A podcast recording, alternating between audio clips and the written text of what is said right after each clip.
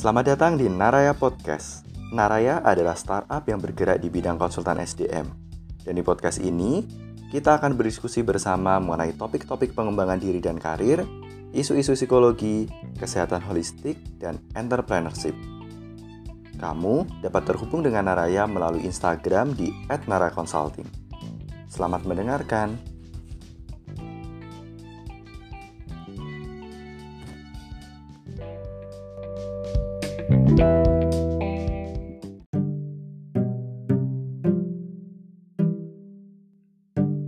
Kalau yang dia apa ya, yang diidolakan itu memiliki belief-belief yang bagus sehingga itu bisa menjadi kontra terhadap limiting belief kita. Tetapi kalau ternyata yang di copy paste atau di imitate dari role model itu adalah sesuatu yang sesuai dengan limiting belief kita ya sudah itu nanti kita akhirnya tidak menyadari bahwa yang membuat kita stuck di posisi saat ini ya adalah diri kita sendiri dan pola pikir kita kalau kata Rian tadi ya apa segi kognisinya kita gitu. Hmm, Oke, okay.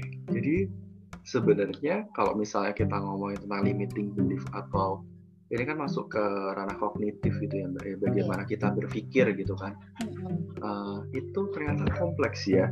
Tidak hanya sekedar jadi kompleks banget gitu. Bagaimana kita dengan uh, kepribadian kita terus bagaimana dengan ada peristiwa traumatis gitu.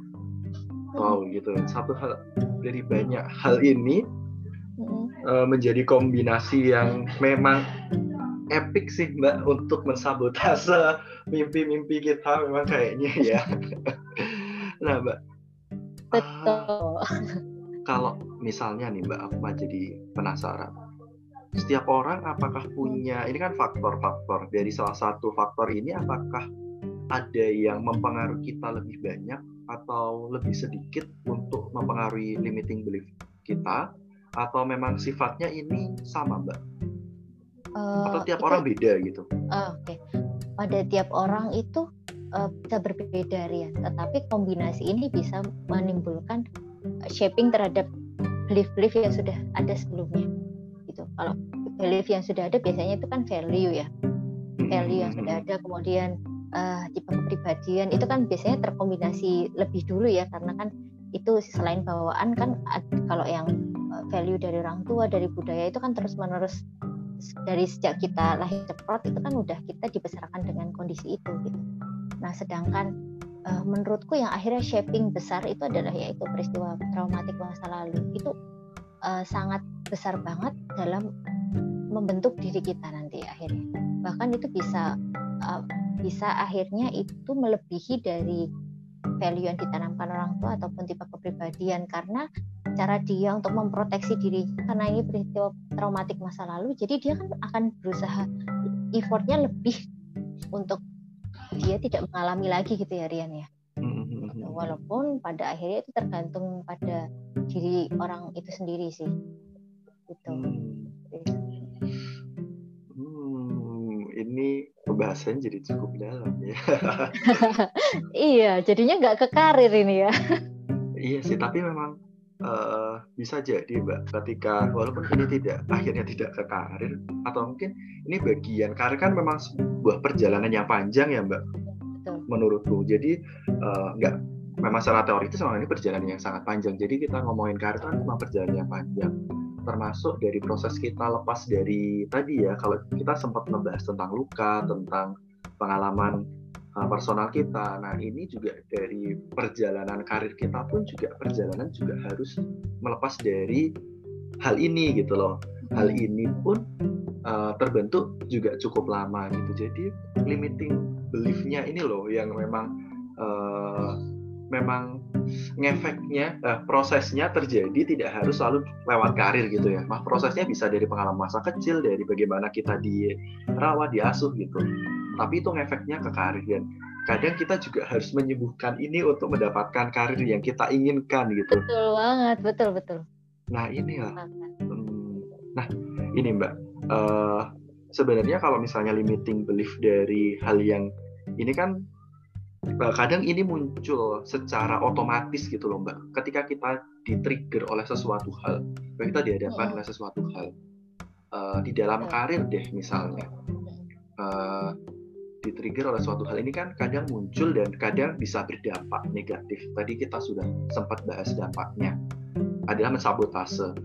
Nah, agar si limiting belief ini bisa kita seenggaknya kita sadari lalu kita bisa kendalikan atau seenggaknya ini bisa kita sembuhkan itu apa sih mbak yang harus kita lakukan? Oke siap. Jadi memang kadang-kadang limiting belief itu pinter ya dia itu uh, saat tiba-tiba ada trigger kecil aja gitu ya dia itu langsung responnya cepat gitu ya dan itu langsung tiba-tiba bisa membuat kita itu nggak bisa bergerak kayak terperangkap di kayak kita diajak ke situasi masa lalu untuk kita memproteksi diri. Nah saat ada situasi-situasi yang men-trigger kita agar kita mampu menyadari limiting belief ini dan tidak terjebak. Nah jadi yang pertama harus kita lakukan adalah pause, step, and reflect. Itu yang pertama harus kita lakukan. Pause dulu, jadi berhenti sejenak kalau tahu bahwa itu mengganggu, gitu ya. Yang pertama kita stop dulu, kemudian uh, merefleksikan apa sebenarnya yang membuat kita tiba-tiba jadi low mood gitu. Pikirkan dulu nih apa yang tiba-tiba ya bikin aku kok jadi tiba-tiba nggak mood begini gitu. Apa tadi mungkin ada pilihan sih apa tadi perkataan si bos ya? Apa karena pekerjaannya ya? Atau karena temanku tadi uh, kurang enak cara ngomongnya misalnya kayak gitu. Nah, kita perlu refleksikan dulu.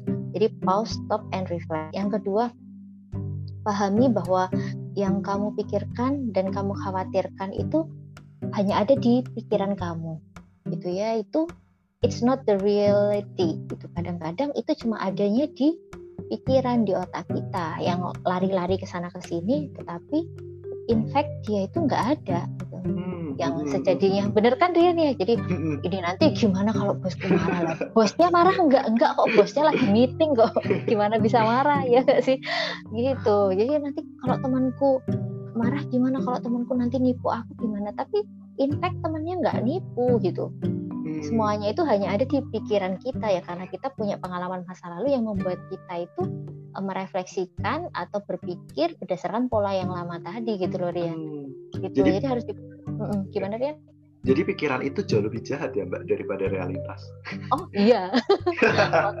makanya ada makanya ada istilah bersahabatlah dengan realitasmu. Jadi nggak okay. usah nggak usah banyak-banyak itu. Kalau kita kan kadang-kadang kalau misalnya lagi lagi low mood, lagi gloomy gitu kan kita malah itu Rian. Jadi bukannya meditasi enggak, tapi kita malah ngalamun. Oke. Okay. Akhirnya kita malah membiarkan pikiran-pikiran negatif kita, limiting belief kita itu kan kerja lebih banyak ya. Mm-hmm. Gitu. Nah, nah, cara biar stop ini adalah yang ketiga, cari evidence. Bener nggak okay. yang tadi di cross check dulu, bener nggak yang tadi dipikirkan itu beneran terjadi di realita. Nah, penting juga ini kita switching dari melihat the, the dark side ke bright side. Jadi dari kita ngelihat yang jelek-jelek mulu, yang hitam-hitam mulu, kita ngelihatnya dari sisi yang positif, dari sisi yang lebih terang gitu. Gitu ya. Jadi cari evidence yang mendukung terhadap bright side tadi. Belief beliefnya itu coba di counter gitu. Hmm, hmm, hmm, Saya beliefnya itu ah nanti bosku meremehkanku gitu. Coba di di cross check ah enggak kemarin kemarin ternyata bosku muji aku loh. Berarti kan nggak masuk tuh.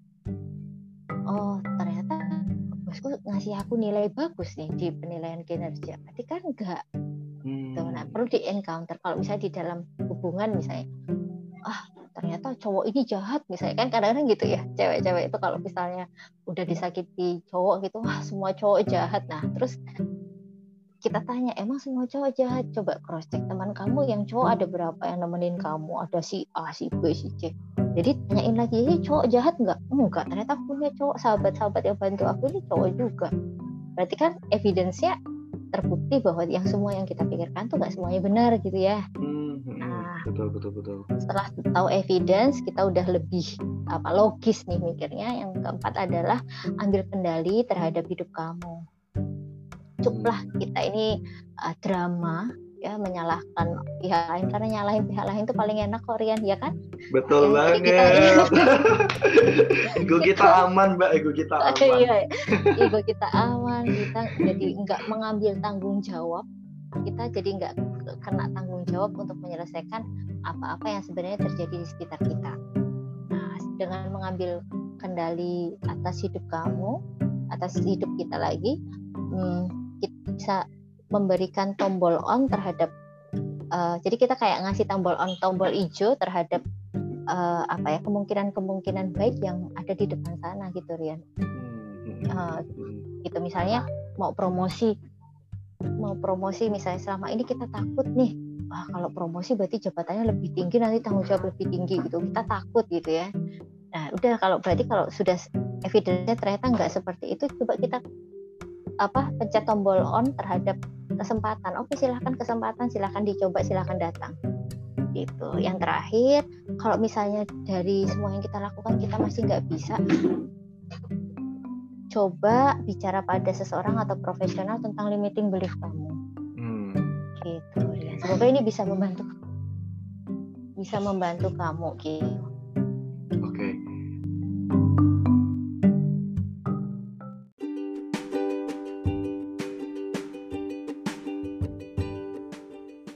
Terima kasih telah mendengarkan Araya Podcast pada episode kali ini.